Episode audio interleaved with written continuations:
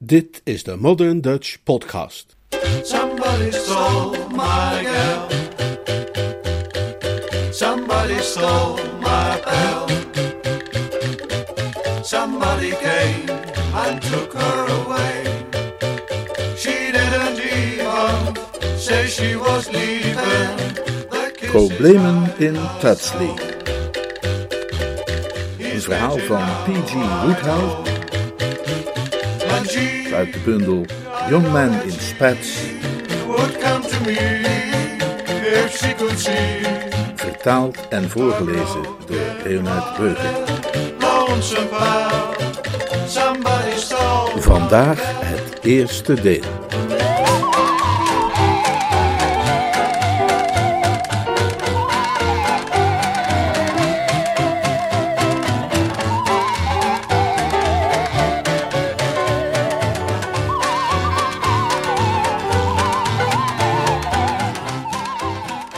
Twee kalen en een stelletje snorren dronken ontspannen een glaasje in de rooksalon van de Drones Club, toen er een baardmans binnenkwam en vroeg of er iemand van de aanwezigen wellicht geïnteresseerd was in een zo goed als nieuw exemplaar van Tennyson's dichtwerken.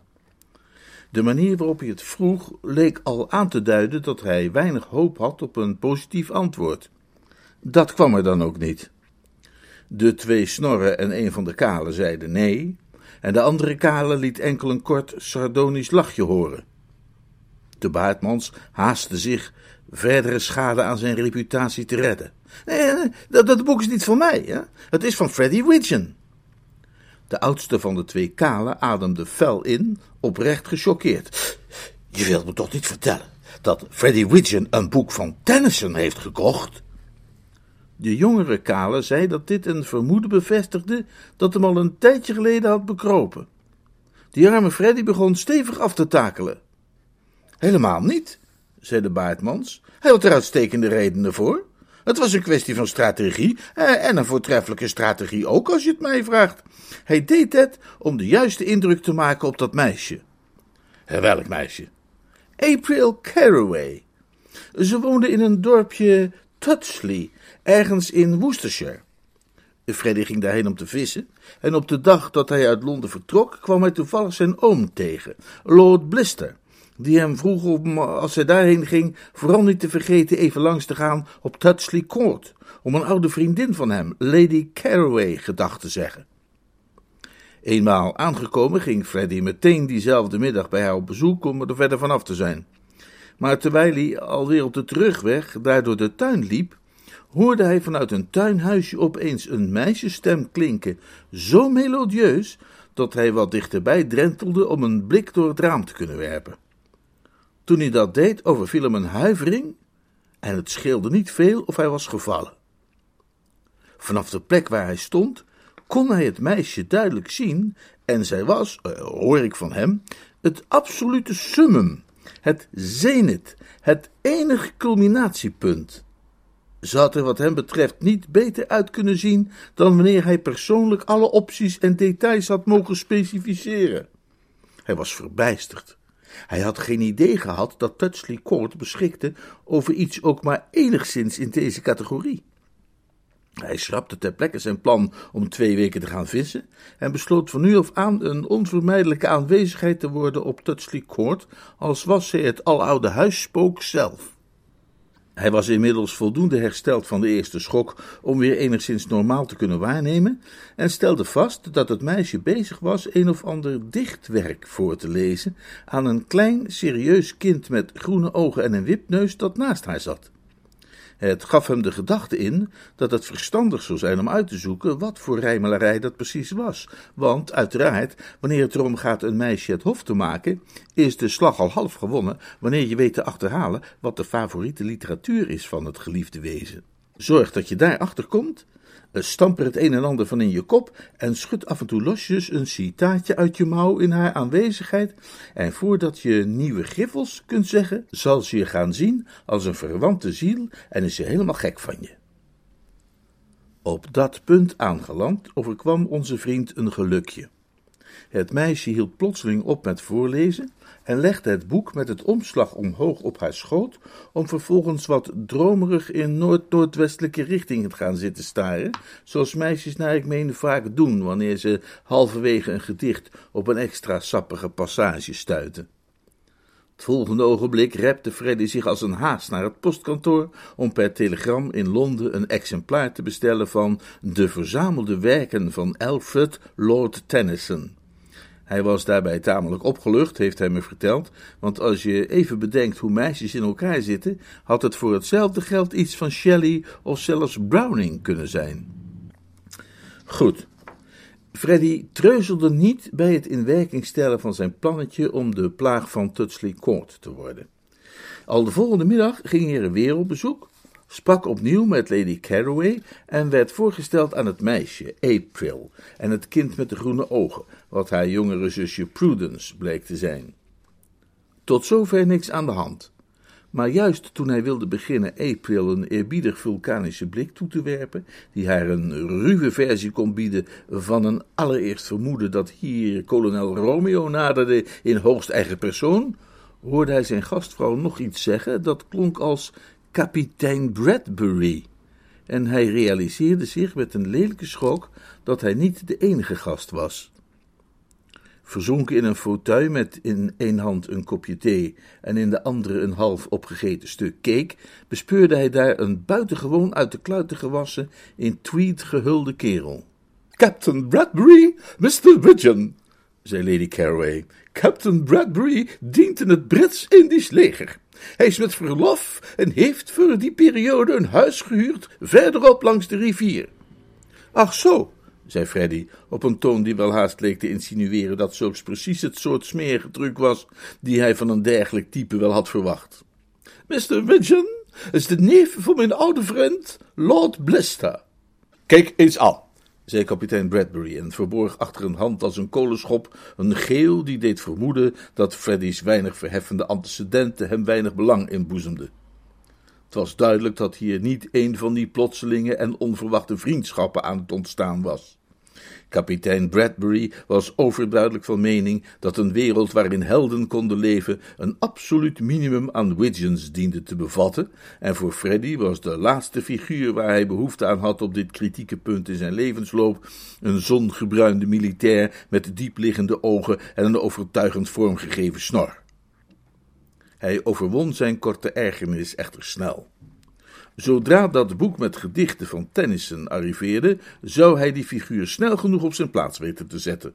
Een strakke snor is niet alles, een zongebruinde huid al evenmin, en van diepliggende ogen zou hetzelfde gezegd kunnen worden. Waar je als man werkelijk indruk mee kunt maken op een gevoelig en dichterlijk meisje, is een rijk zielenleven. Freddy verwachtte in de komende dagen voldoende zielenleven te bezitten voor zes. Hij deed zijn uiterste best om het inspirerend middelpunt te vormen van het gezelschap, en wel met zoveel succes dat toen ze weggingen, kapitein Bradbury hem terzijde nam en hem een blik toewierp als was hij een Afghaanse krijger die betrapt werd bij het stelen van geweren van het regiment daar ginds aan het noordwestelijk front.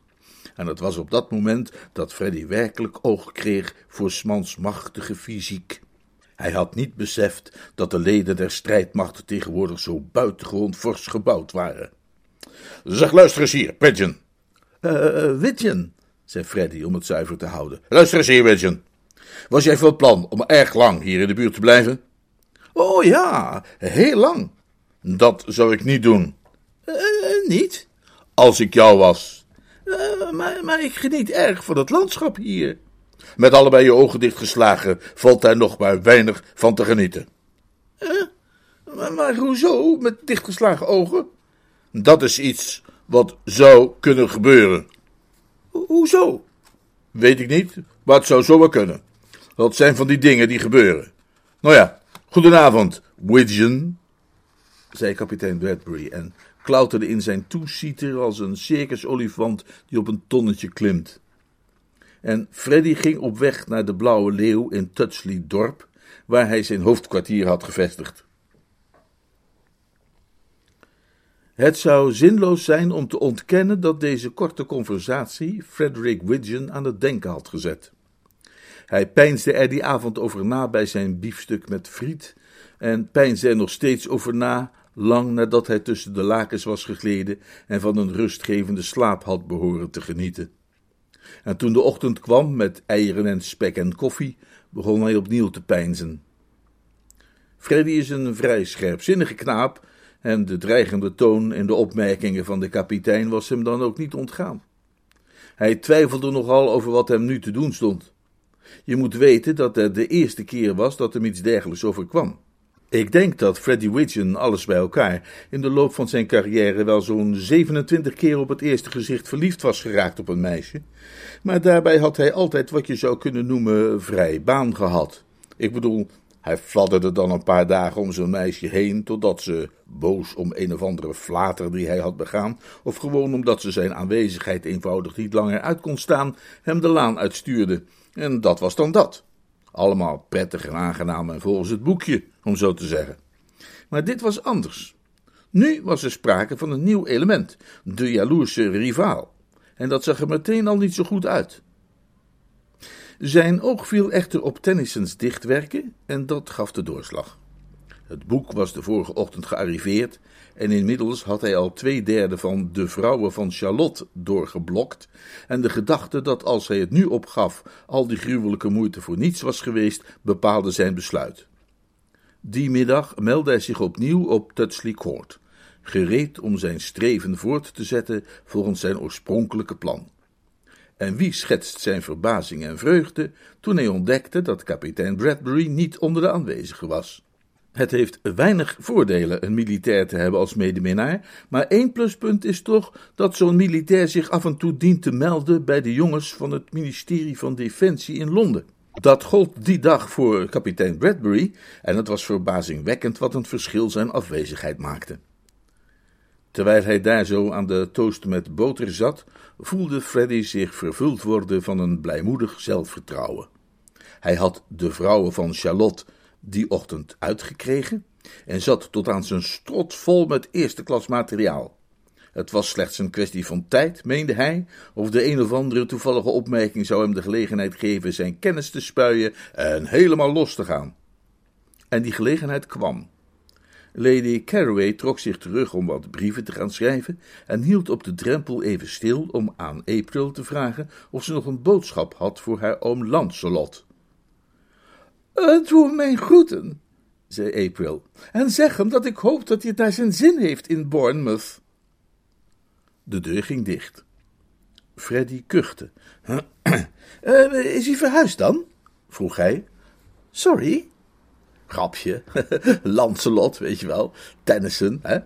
In de vrouwen van Charlotte is Lancelot immers het grootste deel van de tijd op Camelot. Het meisje staarde hem aan. In haar emotie liet ze een boterhammetje op de grond vallen. U wilt toch niet zeggen dat u Tennyson leest, Mr. Widgeon? Wie? zei Freddy. Ik? Tennyson? Ik Tennyson lezen? Tennyson? Nou ja, zeg, lieve hemel, hoe bedoel je? Ik ken hem uit het hoofd. Uh, gedeeltelijk dan. Ik ook. Breek, breek, breek, gij golven, op de koude grijze steen. Ja, precies. Of denk eens aan de, de vrouw van Charlotte. Ik houd het voor waar, zoals de za... Ik ook, absoluut. En bovendien heb je dan nog de vrouw van Charlotte. Sjonge, wat bijzonder dat jij ook van Tennyson houdt. Ik vind hem geweldig. Wat een kerel, hè? Die vrouw van Charlotte bijvoorbeeld, hè? Dat loopt toch wel echt als een trein.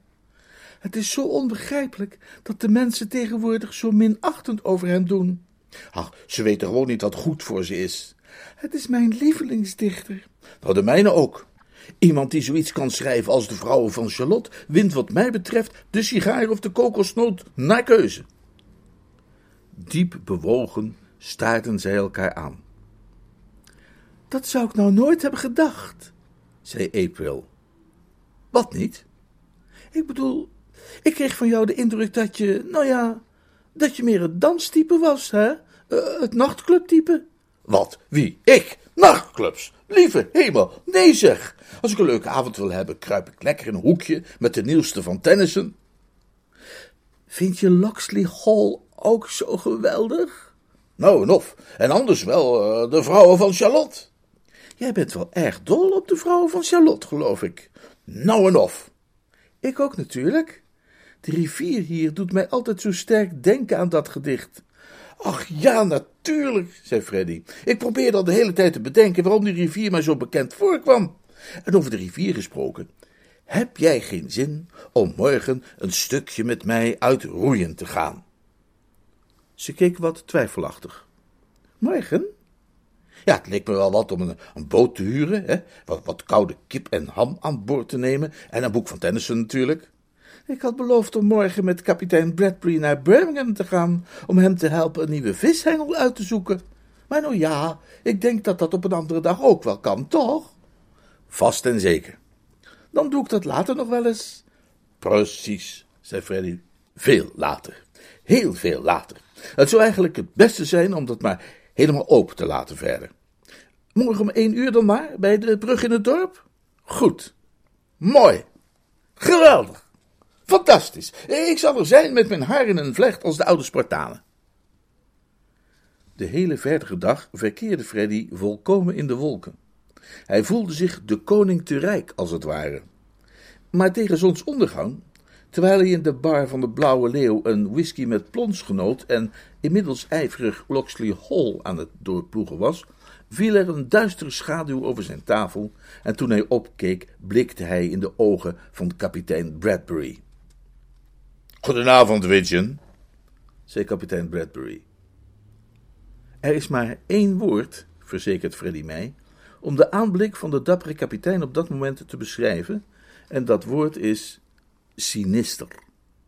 Zijn wenkbrauwen waren boven zijn neus tezamengekomen, zijn kin stak zo'n 25 tot 35 centimeter naar voren, hij liet de spieren van zijn bovenarmen rollen en maakte ondertussen een geluid als het zachte gerommel van een slechts gedeeltelijk uitgedoofde vulkaan. Freddy kreeg de stellige indruk dat er ieder moment gesmolten lava uit zijn mond zou kunnen stromen.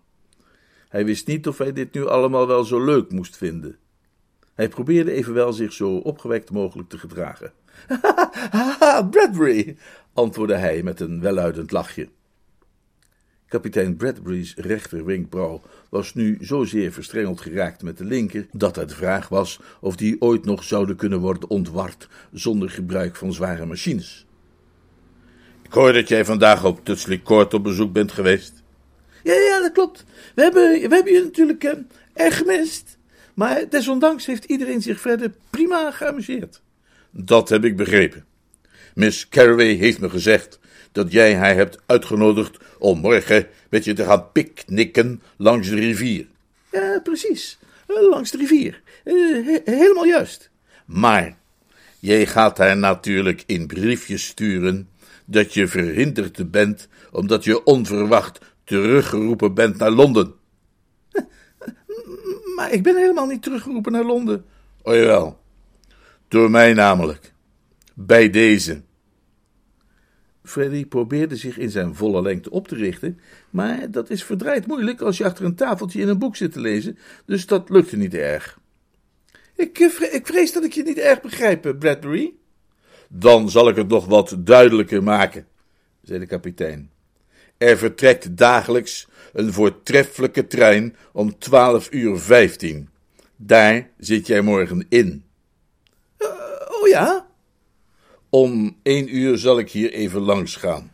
Mocht ik constateren dat jij niet bent vertrokken, dan zal ik. Uh, heb ik jou wel eens verteld dat ik vorig jaar in India het nationaal kampioenschap boksen heb gewonnen? In de zwaargewichtklasse. Freddy slikte een tikje bedachtzaam. Is dat zo? Ja, dat is zo. Freddy wist zichzelf te vermannen. Het uh, amateurkampioenschap. Ja, natuurlijk. Uh, nou, ik heb uh, vroeger ook nog wel aardig, aardig wat gebokst, zei Freddy. maar ging me vervelen. te weinig serieuze competitie, hè? Te, te, te, weinig uitdaging. Niet spannend genoeg. Toen ben ik het bij de professionals gaan proberen. Maar die jongens konden zo weinig hebben dat ik er maar helemaal mee ben opgehouden. Dat was na die wedstrijd waarin ik uh, het Beest twee maanden het ziekenhuis in heb geslagen. Hm. Tegenwoordig verzamel ik uh, antiek porselein. Dappere woorden natuurlijk, eh, maar het waren geen al te manhaftige gevoelens waarmee hij zijn bezoeker zag vertrekken. In feite, vertelt hij mij, speelde hij zelfs een ogenblik met de gedachte dat er misschien inderdaad wel iets te zeggen was voor die trein van 12 uur 15. Dat moment van zwakte ging voorbij. De gedachte aan April Caraway schonk hem nieuwe kracht. Hij had haar uitgenodigd voor die picknick en hij was van plan zich aan hun afspraak te houden, ook al zou dat betekenen dat hij er als een haas vandoor zou moeten gaan iedere keer dat kapitein Bradbury in zicht kwam. Het was tenslotte onwaarschijnlijk dat zo'n grote zware kerel hem ooit in zou kunnen halen. Hij vertoonde kortom dezelfde instelling als de Widgeons uit zijn voorgeslacht in de tijd van de kruistochten, toen hij hoorde dat de heidenen in de verte waren gesignaleerd. De volgende ochtend bevond Freddy zich dus in een roeiboot langs de steiger nabij de brug in het dorp. Het was een fraaie zomerochtend, voorzien van alle paraphernalia, zoals een blauwe lucht, zilverglanzende golfjes, vogels, bijen, een kalm briesje en wat al niet. Hij had het picknickmandje achter in de boot geborgen en gebruikte de tijd dat hij wachten moest om zijn kennis van de vrouwen van Charlotte nog wat bij te spijkeren, toen er vanaf de steiger een stem klonk. Hij keek op en zag hoe dat kind Prudence op hem neerstaarde met haar ernstige groene kijkers. Oh, hallo, zei hij. Hallo, zei het kind. Zolang hij een bezoeker was van Tutley Court, had Prudence Caraway in het leven van Freddy nog weinig of niets betekend. Hij had haar daar natuurlijk wel gezien, en bij gelegenheid vriendelijk naar haar geglimlacht, daar het zijn onveranderlijk beleid was altijd vriendelijk te glimlachen naar alle familieleden en kennissen van de beminde, maar hij had in feite nauwelijks enige aandacht aan haar gewijd. Zoals altijd bij dat soort gelegenheden was zijn aandacht voortdurend uitgegaan naar de enige geliefde. Zijn houding was nu dan ook die van de figuur die zich afvraagt waar hij de eer van dit bezoek aan te danken heeft. Um, ja, um, lekker weertje, zei hij aftastend. Ja, zei het kind, ik kom zeggen dat April niet kan komen. De zon, die met uitzonderlijke glans had geschenen, leek Freddy uit het oog te verdwijnen als een duikeend of een fut. Dat meen je niet? Jawel. Ze kan niet komen? Nee, ik moest zeggen dat het haar vreselijk spijt, maar vrienden van mama hebben opgebeld dat ze tussen de middag langskomen en graag zouden blijven eten. Dus nu moet April thuis blijven om te helpen die mensen te ontvangen. Och, hemel. Nu wil ze dus dat u met mij gaat roeien en dan zal zij proberen om later te komen. Ik heb tegen haar gezegd dat we zullen picknicken bij Griggs Veer. De inktzwarte hemel leek Freddy weer iets op te lichten. Weeg vervelend natuurlijk, maar goed als April zich later bij hen zou voegen. En wat betreft het meenemen van dat kind, nou ja, zelfs dat had een positieve kant. Het leek hem nog niet zo'n slechte zet om de hartelijke gastheer te kunnen spelen bij dat schaap. Een verslag van zijn gulheid en gastvrijheid en van zijn hoffelijkheid en charme zou April zeker bereiken en hem bepaald geen kwaad doen. Het is een erkend feit dat het voor een hoopvolle minnaar nooit verloren moeite is om het kleine zusje een beetje te vriend te houden. Oké, zei hij, klim aan boord. Het kind stapte in de boot en ze staken van wal. De eerste tien minuten of zo was er weinig sprake van enige belangwekkende conversatie, want er was op dat punt in de rivier nogal veel scheepsverkeer, en het kind dat zich over de stuurinrichting had ontfermd, leek een nogal mager besef te hebben van de werking daarvan. Zoals ze Freddy verklaarde nadat ze een passerend binnenvaartschip bijna midscheeps hadden geramd, wist ze nooit goed aan welk van de touwen je moest trekken om naar rechts te gaan. Het geluk van de Widgeons was echter met hen en uiteindelijk bereikten ze ongeschonden rustiger vaarwater stroomopwaarts. Op een geheimzinnige manier verloren ze vervolgens hun roer en daarna ging het allemaal een stuk makkelijker. Het kind had toen echter niet veel meer te doen en greep naar het boek. Hallo, leest u Tennyson? Dat was ik aan het doen voor we vertrokken. En straks zal ik zeker nog even verder in dat boek duiken. Mij zul je doorgaans bezig zien met het werk van de beroemde zanger als ik ook maar vijf minuutjes over heb. u wilt toch niet zeggen dat u daar echt iets aan vindt? Maar natuurlijk wel. Wie niet? Oh, ik niet. Ik moest hem lezen van April, maar ik vind hem vreselijk zoetsappig. Hij is helemaal niet zoetsappig, hij is verdomd goed. Maar eh, vindt u die meisjes bij hem dan geen afschuwelijke kwijlenbabbels? Afgezien van zijn oude boezemvriendin, de vrouwen van Charlotte, had Freddy nog geen kennis gemaakt met welke vrouw dan ook uit de dichtwerken van Tennyson, maar hij had sterk het gevoel dat als zij goed genoeg waren voor April Caraway, zij ook goed genoeg waren voor een opdondertje met groene ogen en een neus vol sproeten, en dat zei hij dan ook op niet mis te verstaande toon. Tennyson's heldinnen, zei Freddy, zijn stuk voor stuk schitterende voorbeelden van de zuiverste en lieftalligste vrouwelijkheid. Knoop dat goed in je oren, jij gevoelloze snotjork. Het beste wat een meisje als jij kan doen, is je gedragen naar het voorbeeld van Tennyson's heldinnen. Welke van die heldinnen? Ja, dat maakt niet uit. Kies de eerste de beste. Je kunt niet missen.